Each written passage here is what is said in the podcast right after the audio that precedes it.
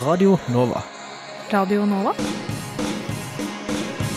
Du hører nå en podkast fra Radio Nova.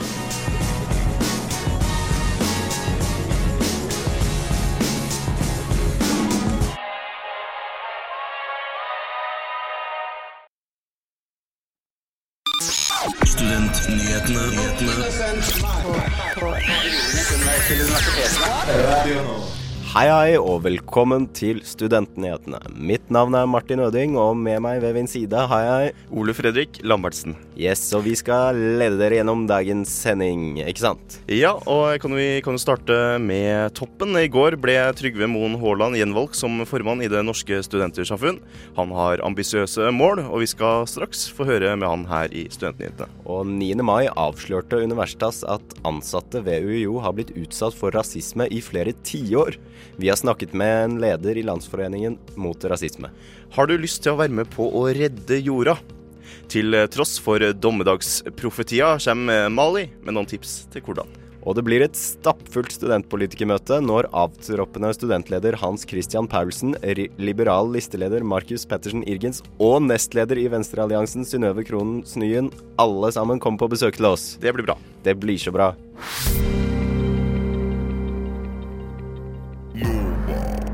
Da har vi fått en eh, gjest inn i studio, vet du. Hjertelig velkommen til deg, Trygve Bernhard Moen Haaland. Ja, du ble jo i går gjenvalgt som eh, formann i Det norske studentsamfunn, her hvor vi sitter nå, oppe i fjerde etasje. Det var ingen utfordrere, og det var akkurat nok folk til stede for at eh, det var vedtaksviktig. Og jeg var jo en av dem, eh, så har du kommet hit for å takke meg, kanskje? Jeg må jo ja, Tusen takk for tilliten. Eh, Ja, eh, fra spøk til eh, revolver. Hvorfor stilte du til gjenvalg? Akkurat nå så trenger eh, Chateauneuf en god del kontinuitet. Vi trenger å Vi har vært gjennom eh, liksom en god del tid nå med eh, litt for mye eh, rabalder. Eh, og nå er det på tide at eh, vi faktisk får litt stabilitet og fortsetter den kursen vi har allerede fått. Eh, vi gjør det jo temmelig bra nå rent eh, økonomisk og organisatorisk gjør vi det også mye bedre. Eh, og vår, eh, våre politiske forhold eh, har også liksom blitt gjenoppretta. Så det er også noe som jeg kommer til å liksom fokusere på. Det er våre forhold til resten andre institusjoner, til kommunen, til universitetet, til flere. Du har jo store ambisjoner å snakke om å, å, å bringe studentersamfunn sammen. Eh, um, uh, forklar hva du tenker her. Nei, slik det er nå i dag, så finnes det mange forskjellige støtteordninger rent nasjonalt uh, som uh, studentersamfunnene ikke har egentlig tatt og uh, lukta på engang. Uh, så det, er, det vi har ambisjoner om, det er jo at studentersamfunnene i hele Norge skal gå sammen. Det vil si primært Oslo, Trondheim og Bergen. Jeg lufta ideen for dem en gang jeg var i Bergen, og da var, de, eh, da var det til stor åtgaum. Så det ser jo ut til at eh, vi, vi alle er enige om at vi skal få til. Hva er det som blir annerledes det neste året fra det året som har vært nå? Mm, Det vi kommer til å se, er en mye tettere oppfølging på foreningene her på huset. Eh, vi kommer til å legge en god del, eller følge opp de kravene vi allerede har lagt i våre kontrakter. Vi kommer til å ha stort fokus på mottak av nye frivillige, og kurs og kompetanse på akkurat disse. Eh, I tillegg så kommer vi til å eh, prøve å få enda tettere forhold til eh, kommunen og eh, andre aktører. Eh, Hva er det store målet ditt? Eh, Det store målet mitt er egentlig at eh, den store dugnaden som Chateauneuf er, eh, også skal bre seg utover enn bare eh, styret og ledelsen her i Det norske studentsamfunn. Um, da, da trenger vi egentlig å vise, eh, vise folk at de kan ha tillit til oss, at vi er en trygg organisasjon å satse på, og at vi er eh, egentlig snille folk. Bortsett fra økonomien, hva har eh, vært den største utfordringen? største utfordringa har jo vært dette med å rydde opp i de rent organisatoriske problemene som ble eh, bortimot skapt av han forrige fyren. Um, og så er det en god del uh, turbulens i selskapet pga. mye rettslige saker. Hvordan, eh, hvordan skal du liksom få frem det at uh, DNS er hjemmet til eh, studentene? Mm, først så skal vi ta Nå tar vi nå og ansetter en ny eh, ansvarlig for sosiale medier og profilering. Eh, som kommer til å hjelpe til med at eh, vi får ut ordet om eh, alle aktivitetene som skjer her av oss og foreningene. Eh, vi kommer også til å eh, ha en veldig god studiestart eh, med Studentfestivalen. Kommer tilbake nå, etter to år ved hvor det ikke har vært. Eh, det blir hyggelig. Samtidig så snakker vi om at det er flere måter å ta kontakt i form av at det trenger ikke alltid å være her på huset man møter, men at vi kan være noe større enn bare Chateauneuf for Jeg jeg har et ønske fra den som blir sosiale medier-ansvarlig, og det er at han skal ha masse gifs. Masse, masse gifs. Det GIFs engasjerer eh, Ja. mange studenter, eh, vil jeg tro. Ja, i hvert fall meg. Eh, men du, eh, vi, vi må bare ta en liten ting til slutt, og det er jo den eh, at det blir, det blir jo oktoberfest på Chateauneuf til høsten. Og nå har du ikke fått kontroll på Facebook-sida til slutt. Eh, hva skjer videre? Nei, det som skjer videre, er at vi, vi kommer til å gjøre som før. Vi kommer til å arrangere Oktoberfest. Eh, samme festivalledelse som i fjor. Eh, og Men er det endelig den at dere har fått tilbake Facebook-sida? Nei, vi har jo eh, Eller så vidt eh, det ser ut eh, nå, så ser det ut til at vi har fått tilbake sida. Så får vi se hvordan saksgangen går videre der. Det er eh, AS sin sak, akkurat det. Så den skal ikke jeg legge meg altfor mye i detalj på. Nei, vet Det- du når det blir Når det blir oktoberfest. eh, Nei. Eh, Det blir vel i oktober? eh, ja, eller i jeg. september. Visstnok så i München så går det an å starte allerede først, siste helga i München. Visstnok. Eh, men jeg tenker på når det blir endelig avgjort at liksom, dere får den her Facebook-sida. Eh, akkurat nå så har jo dommen har jo kommet på eh, Men da er det riktignok på den midlertidige forføyninga som vi ba om. Eh, og hvordan saken er videre der, det er ikke helt, eh, har jeg ikke helt oversikt over. Men eh, det du kan i hvert fall melde, er at det blir oktoberfest her på huset. Og dere har eh, sida Ja, akkurat nå så har vi eh, alle rettigheter til bruk av sida. Men det er uh, supert. Uh, vi gleder oss masse til det. Jeg i hvert fall det. Uh, takk for at du kunne komme. Eh, kjempehyggelig. Eh, og lykke til videre. Det var gjenvalgt formann i Det Norske Studentsamfunn, Trygve Bernhard Moen Haaland. Etter at eh, Universitas avslørte at ansatte ved eiendomsavdelingen i UiO har blitt utsatt for grov rasisme gjennom flere år, ble det arrangert en markering mot rasisme på Blindern. Vi har snakka med lederen av Landsråd mot rasisme, Mori Diakite, som var med på å arrangere denne markeringa. Dette her var jo først og fremst en veldig vellykket eh, markering. Eh, vi samarbeidet med de to studentforeningene African Student Association og Palestinakomiteen Blindern. Eh, og hvor det som forente oss, var at eh, rasisme har ingen plass i verken samfunnet og i hvert fall ikke på universitetet. Hva synes du at eh, Universitetet i Oslo burde gjøre for å bedre holdningene? Akademia, og da spesifikt UiO, er ikke bare et universitet som skal gi oss en utdannelse. Det er også en institusjon som skal gi oss en form for dannelse. Og det er også en premissleverandør og en aktør i samfunnet som har en påvirkning på hva slags holdninger og ideer som blir en del av den offentlige diskursen.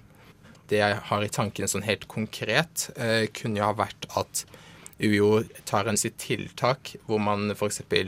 får frem større variasjon og mangfold eh, i pensum, slik at man får fram andre perspektiver, andre teoretikere som også er fra ikke-vestlige sfæren av verden.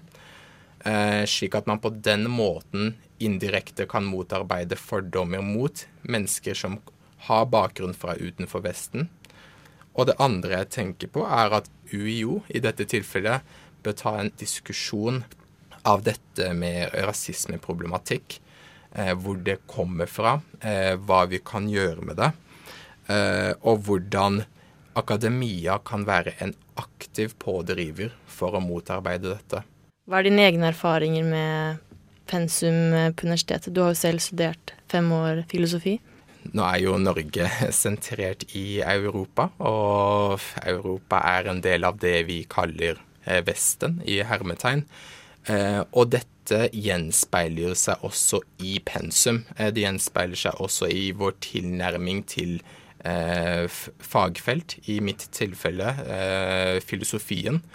Og hvor man da ser at det i en stor grad er et fokus på akademikere og intellektuelle som er sentrert i den kultursfæren kalt Vesten, men hvor man da går glipp av og mangler de perspektivene som er fra utenfor Vesten, eh, hvor man det er såpass omfattende at man nesten får inntrykket av at filosofisk aktivitet og filosofihistorie det er et eh, nærmest vestlig fenomen, mens resten av verden at disse her ikke har drevet med eller tenkt på filosofi i det hele tatt. Men eh, det vet jo de fleste som har studert, at det stemmer jo ikke.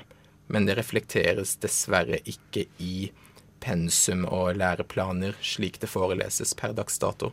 Nå har jo Ole, eller rektoren vår, Ole Petter Ottersen, eh, skrevet en Facebook-status hvor han har sagt ganske eksplisitt at rasisme eh, skal ikke finne sted på UiO, og det syns jeg er vel og bra. Men jeg skulle gjerne ha likt å se at dette tas videre i noe mer konkrete tiltak. Eh, for slik vi ser med den saken som har vært nå, i eiendomsavdelingen, hvor du har hatt ti år med gjennomgående grov rasisme, da viser det at i dette tilfellet en Facebook-status ikke er nok, og det viser at en analyse av forholdene i eiendomsavdelingen ikke er nok, men at vi må tenke mer omfattende og mer strukturelt og komme til bunns i disse verdiene og holdningene. Der hørte du leder i Landsråd mot rasisme, Mori Diakite, bli intervjuet av reporter Anna Aronsen Oftedal og Mali Marie Øverbø. Og sitter du hjemme og har lyst til å være med på å redde jorda, men ikke vet hvordan du skal gjøre det, Og du har heller ikke råd, siden du er en lutfattig student. da må du følge nøye med nå. Jorda holder på å gå under, og det er ikke alle av oss som har råd til en billett til Mars. Heller ikke tida om du er en student midt oppi eksamener fra helvete. Men frykt ikke! Jeg har noen tips til deg til hvordan du kan være med å redde jorda uten at du trenger å bruke opp hele stipendet fra Lånekassa. Faktisk så kommer disse tipsene helt gratis fra meg til det. Tips 1. Kildesortering. Vil tro de aller fleste har fått med seg hvorfor vi skal kildesortere. Men om du er litt usikker, så bør du sjekke ut sortere.no. Der vil du få svar på alle spørsmål du noen gang kunne tenke deg å komme på om kildesortering. I Oslo så er hovedpunkter for kildesortering matavfall, plastavfall som da skal være rein og helst vaska, papp, papir og drikkekartong, restavfall og spesialavfall. Matavfall skal i grønne poser som du får gratis på butikken, og der kan du også få tak i blå poser som plastavfallet skal nedi. Papp, papir og drikkekartong skal i en egen søppelkasse, og restavfall skal i en annen. Pro tip.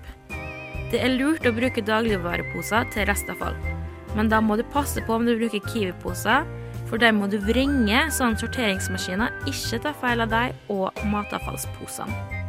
Tips to. Pant alt. Alltid. Her kan du til og med tjene litt penger, men du kommer opp i et etisk problem. Du kan velge å ta pengene sjøl, siden du er en fattig student og trenger deg sjøl til å kunne kjøpe en pils på byen.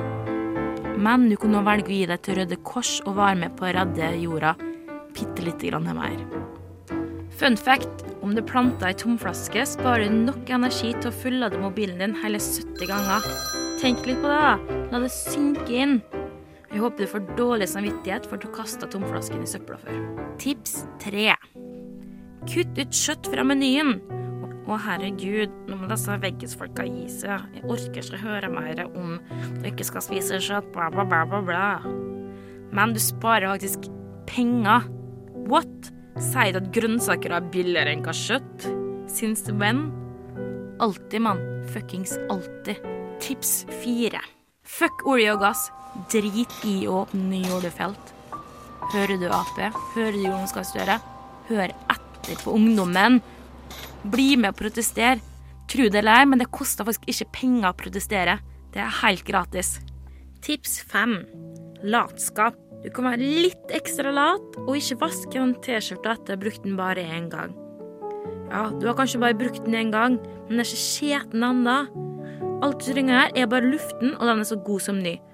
Eller så kan du ta en variant som de ofte bruker i militæret, og vrenge den på innsida ut. Pro tip. Du skal faktisk ikke vaske jeansene dine i maskinen. Alt du trenger å gjøre, er å vaske bort de skitne flekkene med en våt klut.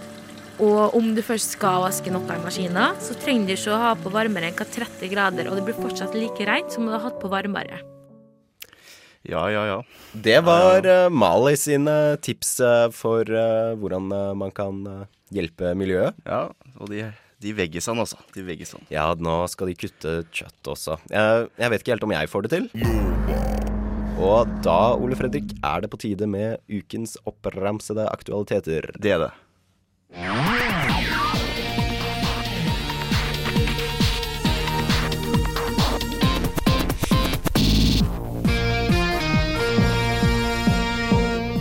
En tidligere ansatt førsteamanuensis ved Høgskolen i Oslo og Akershus har gått til sak mot skolen.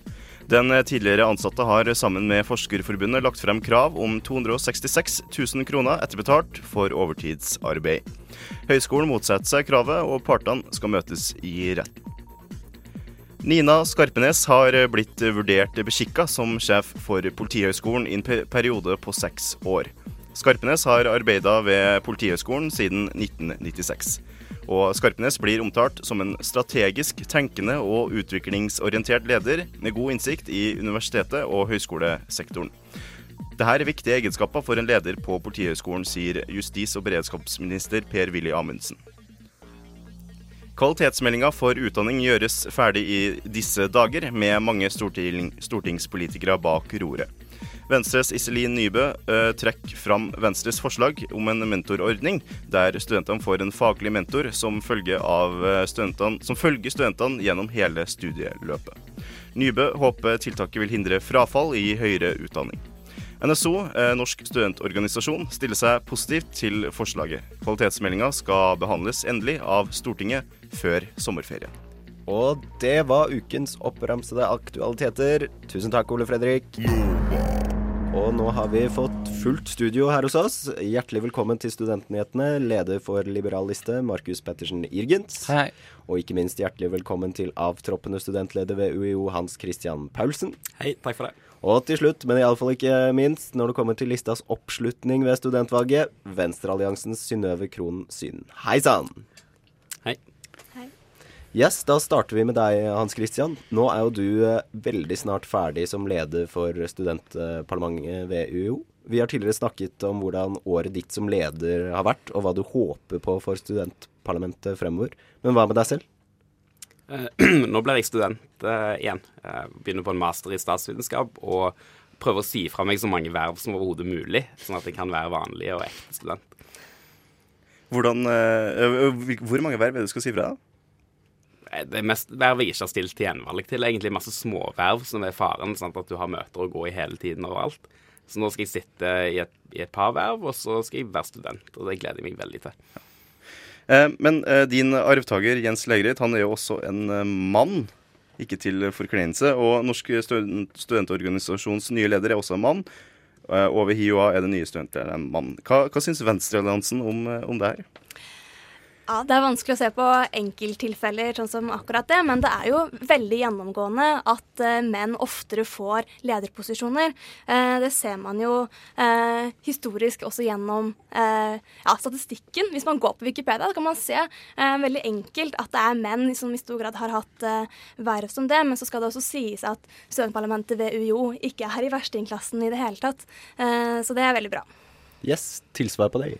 Jeg, tenker bare man, man kan legge til at det er, er mannlige ledere i Stavanger, i Agder, i Bergen. På NMBU ble det nylig valgt en mannlig leder.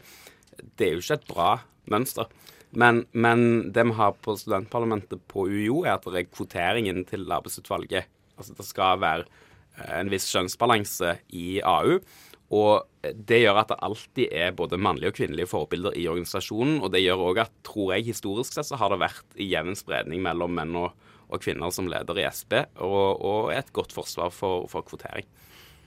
Jeg tror, jeg, tror at, ja, jeg tror at vi, må, vi er nødt til å bli litt flinkere til å Jeg tror vi som studenter er litt eh, Vi tror kanskje at vi er litt for flinke på å sørge for at vi har kjønnsbalanse i organer, og at vi at tar det litt for gitt da, at, ting, at likestillingen kommer litt av seg sjøl. Tror vi må være flinkere til å identifisere de problemene som gjør at ikke kvinner stiller til lederverv. Sånn som I NSO så var det jo ikke en eneste, eneste kvinne som stilte i det hele tatt. Det hadde jo, vi hadde en kvinnelig kandidat på hvert fall på, på UiO. Så jeg tror vi må gå litt i oss sjøl og se hva vi, må, hva vi kan gjøre. Vet vi at du har et, et kvinnenettverk i studentparlamentet på UiO. Det er et godt skritt i riktig retning, syns jeg i hvert fall.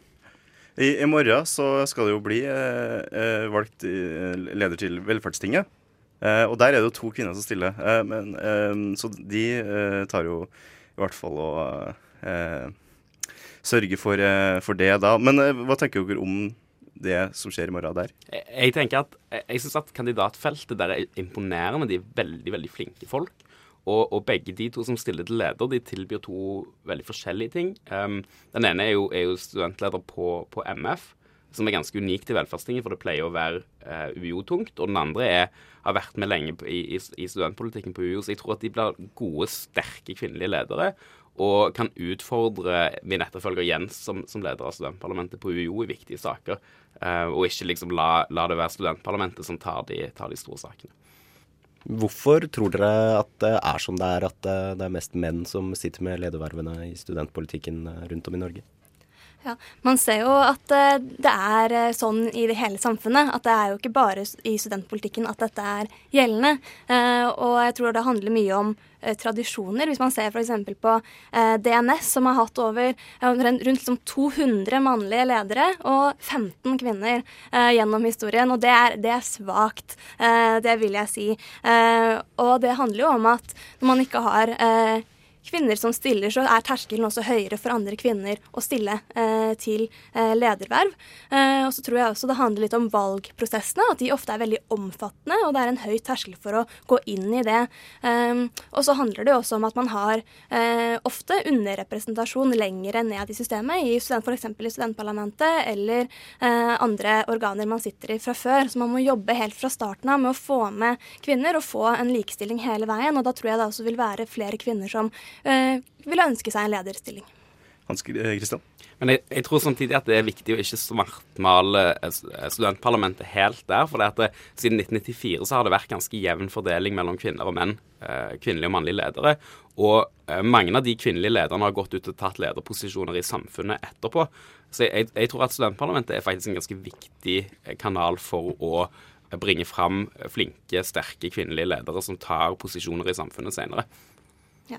ja. jeg sa jo også innledningsvis at studentparlamentet absolutt ikke er i verstingklassen. Men akademia som helhet er jo veldig dårlig. Og hvis man ser på rektoratet, så har jo UiO bare hatt én kvinnelig rektor, Lucy Smith, eh, og resten har vært menn. Og også i forhold til eh, prorektorer så har det bare vært eh, fire kvinner, og det er kjempelite. Så det handler jo også om at vi som studenter opererer jo også i, eh, på et universitet som er veldig, veldig kjønnsdelt og mannsdominert. Og det gjør det også kanskje tyngre å være kvinne opp mot når man skal jobbe opp mot ledelsen. Eh, så det er en utfordring. Yes, eh, vi skal snakke mer sammen, vi. Men eh, nå skal vi høre Frank Moody. Og vi har fortsatt gjester på besøk, vi. Markus Pettersen Irgens fra Liberalista, Hans Christian Paulsen og Venstrealliansen Synnøve Krohn Synnøve. Velkommen tilbake. Tusen takk. Ja, og da skal vi snakke litt om øltelt. Eh, for kjemistipendiat Sigbjørn Bore har skrevet i Universitas at han savner ølteltet fra fadderperioden i 2015. Det som sto på Fredrikkeplassen, altså. I fadderperioden 2016 var det borte. Til kjærlighetssorg for Bore her. Hvem har skylda? Ja, altså, Det jeg tenker er at det viktigste er jo ikke hvem som nødvendigvis har skylden, men at vi må klare å få noen morsomme tilbud på campus til studentene i fadderuken. Sånn at ikke alt som skjer, enten skjer i en kjeller eller på Chateau Neuf eller på steder rundt omkring i byen. Så om det er Hans Christian her som skal sette det opp, eller om det er Trygve som skal sette det opp, det er liksom sånn, de får, det får de finne ut av sjøl, så lenge vi klarer å sette opp et tilbud på campus som studentene kan bruke. Så må man sjekke at fadderne og faddersjefene rundt omkring faktisk er interessert i å bruke et sånt telt. Og så er man nødt til å fylle det med innhold. Man kan liksom ikke bare sette opp et telt og håpe at ting går av seg sjøl. Man trenger kanskje litt Kanskje noen minikonserter eller noen foredrag. Hvis man klarer å gjøre det, så blir det et kjempebra tilbud. Men når spørsmålet er liksom hvem skal vi skylde på? Jeg tenker at vi kan skylde på studentene. Vi har jo et felles mål om at eh, studiestart skal være bra, så vi får fikse det sammen også. Jeg vil bare si at Når du snakker om Trygve, så snakker du om eh, Det Norske Studentersamfunn sin eh, Ja. gjenvalgte leder. Ja. Det var han mente. Hans Christian? Det er alltid, alltid veldig fristende eh, når man jobber som tillitsvalgt og sier at dette, dette er vår feil, og vi legger oss flate, og vi, vi burde og vi skulle ha gjort mer. Men akkurat her så vil jeg, vil jeg påstå at vi har gjort så å si alt eh, i vår makt for å beholde ølteltet på campus, og det gikk ikke. Um, vi hadde vedtak på at vi ville ha det i studentparlamentet. Vi gikk i møter for å støtte DNS for å få det, men de klarte ikke å bli enige om det, og derfor ble ølteltet fjerna. Og, um, så sånn sett så skulle jeg gjerne sagt at ja, her er det mer vi kunne ha gjort, og det er fortsatt mer vi kan gjøre som kan få det tilbake igjen, men det tror jeg ikke det er. og Da er jeg mer på Markus linje at her Altså, det er fortsatt mye muligheter for ting vi kan gjøre, selv om kanskje kjøleteltet kommer tilbake igjen. Men hvis, hvis DNS og UiO klarer å bli enige om at de vil ha et øltelt på campus, og de, de to er to parter som, som finner sammen igjen, så støtter vi det. Og det gjør vi any day of the week. Ja, det, som jeg, det som jeg syns er så rart, da, er at Universitetet i Oslo de burde være interessert i at det skjer sånne ting som dette. De burde jo Altså, for, meg er det rart at ikke UiO sjøl finansierer et sånt telt. At De må jo ha en kjempeinteresse av å få studentene til å være på campus, trives på campus. Fredrikkeplassen er jo en kjempehyggelig plass å være om sommeren. Så at ikke Universitetet i Oslo er liksom interessert i at studentene skal bruke tiden sin i fadderuken på å bli kjent med campus og arealet til UiO, er kjemperart. Jeg tror UiO må bli bedre på å skjønne at uh, denne typen på en måte branding av seg sjøl er, er, nyttig. Uh, og noe de har uh, Jeg tror de kan vinne veldig veldig mye på. da Men istedenfor så forsvinner studentene ned i sentrum eller ned på, ned på det huset her. Eh, vi, vi, kan gå videre. Eh, og fordi Ifølge På høyden, en uavhengig avis ved Universitetet i Bergen, har eh, informatikkstudent Didrik Sæther funnet store sikkerhetshull ved eksamenssystemet for digital eksamen. Det samme som blir brukt her eh, ved UiO. Går digital, digitaliseringen for fort frem? Markus? Ja, jeg er jo informatikkstudent uh, sjøl og datanerd av uh, rang. Uh, og jeg, jeg syns jo også dette er et kjempeproblem. Og for å putte det på en måte i en litt sånn forståelig kontekst, så har jeg prøvd å tenke litt hva kan jeg sammenligne dette med. Og det letteste å sammenligne det med er hvis noen har spilt liksom Call of Duty eller CS. Du kan tenke at Steam sant, har brukt mange millioner kroner på å forhindre cheating disse spillene her over mange mange tiår. Eller ikke mange tiår, men i hvert fall et tiår. Og det går fortsatt ikke. Det er alltid en eller annen dust på serveren som skyter gjennom vegger eller, eller har aimbot og sånne ting. Og det samme problemet er på en måte det vi snakker om når vi har digital eksamen og Safe Exam Browser. Det vil alltid være noen som har lyst til å jukse, og som vil ligge foran utvikling, utviklingen til de som lager programvaren. Uh, så jeg tenker Det er jo litt interessant at de på, på, som driver med avviklingen av eksamen, sier at uh, du må være kjempe-IT-kompetent for å gjøre noe sånn, uh, så det er ikke rimelig å anta at dette er et kjempeproblem. men samtidig så banner man liksom iPods fordi at folk kan spille inn pensum på lydbok. Eh, man forbyr klokker i frykt for smartklokker, men at det skal være mulig At det er mulig for, for kompisen din da, å logge seg på PC-en og gjøre eksamen for deg, det er liksom ikke et problem i det hele tatt. Så ja, jeg syns her har noe gått litt for fort. Eh, og jeg tror det vi gjør på Universitetet i Oslo, mye på Silurveien, at vi har egne maskiner hvor eksamensprogramvaren er installert, er en mye bedre ordning, for da har man mye bedre kontroll. Eh, tusen takk for at du, ga oss enda en spillreferanse vi kan bruke på Facebook. Veldig gøy der. Eh, men Synnøve, eh, hadde du noe du ville si? Ja. ja. det er jo alltid sånn at juks alltid er mulig på eksamen. Det er jo, og det er veldig uheldig. Eh, men jeg vil også legge til at måte, eksamen er jo eh, en liksom, rar og lite presis vurderingsform uansett. At eh, når man ser på, når man klager, at det er veldig sånn Man går, hopper to karakterer opp og ned. At det er ganske tilfeldig hva den karakteren er. Og jeg syns det også er en, kanskje et enda større problem for for studentene. Eh, selv om for, måte, Poenget er at man skal vise hva man kan, man skal konkurrere på lik linje. Og det gjør man jo ikke i dag, uansett om man jukser eller ikke. Og så er det jo enda verre dersom eh, noen jukser, eh, åpenbart. Men jeg syns også det er Jeg er uenig med Markus i at det har gått for langt likevel. Jeg tror ikke man bør straffe de elevene som, eller studentene som vil ha eksamen på PC, men ikke får det fordi noen har klart å bryte seg gjennom systemet. Men man må jo absolutt gjøre noe med det systemet. Hans Christian? Jeg, jeg, er en, en 80-åring i en 25-årings kropp, så jeg ville aldri kunne jukse gjennom, eh, gjennom digital eksamen. Men, men det jeg tenker at dette viser en gang til, er at eh, man kan ikke putte folk i en boks og be de ta en fire timers eksamen og så komme ut igjen. Det liker jeg at å bare åpne eksamen og gjøre at man kan bruke alle hjelpemidler som er tilgjengelig. Da konkurrerer alle på de samme vilkårene. Et siste innspill fra Jørgen der, da må det være kort. Ja, Det som er problemet, er at du trenger ikke være, være en kjempe-IT-kompetent person for å gjøre dette. Hvis du kan helt fint se for deg at det kommer en type sånn eksamensvike-app du kan laste ned til PC-en, og så plutselig har du viketilgang eh, under eksamen. Og du trenger ikke være verdensmester for å installere et dataprogram. Så det er sånne problemer vi står, eh, det er sånne problemer vi står overfor. Da har vi dessverre ikke tid til mer, men takk for at dere kunne komme. Markus Pettersen Irgens, Hans Christian Paulsen og Synnøve Kronen Syn. Takk. Du har hørt en podkast fra Radio Nova. Likte du det du hørte? Du finner flere podkaster i iTunes og på våre hjemmesider radionova.no.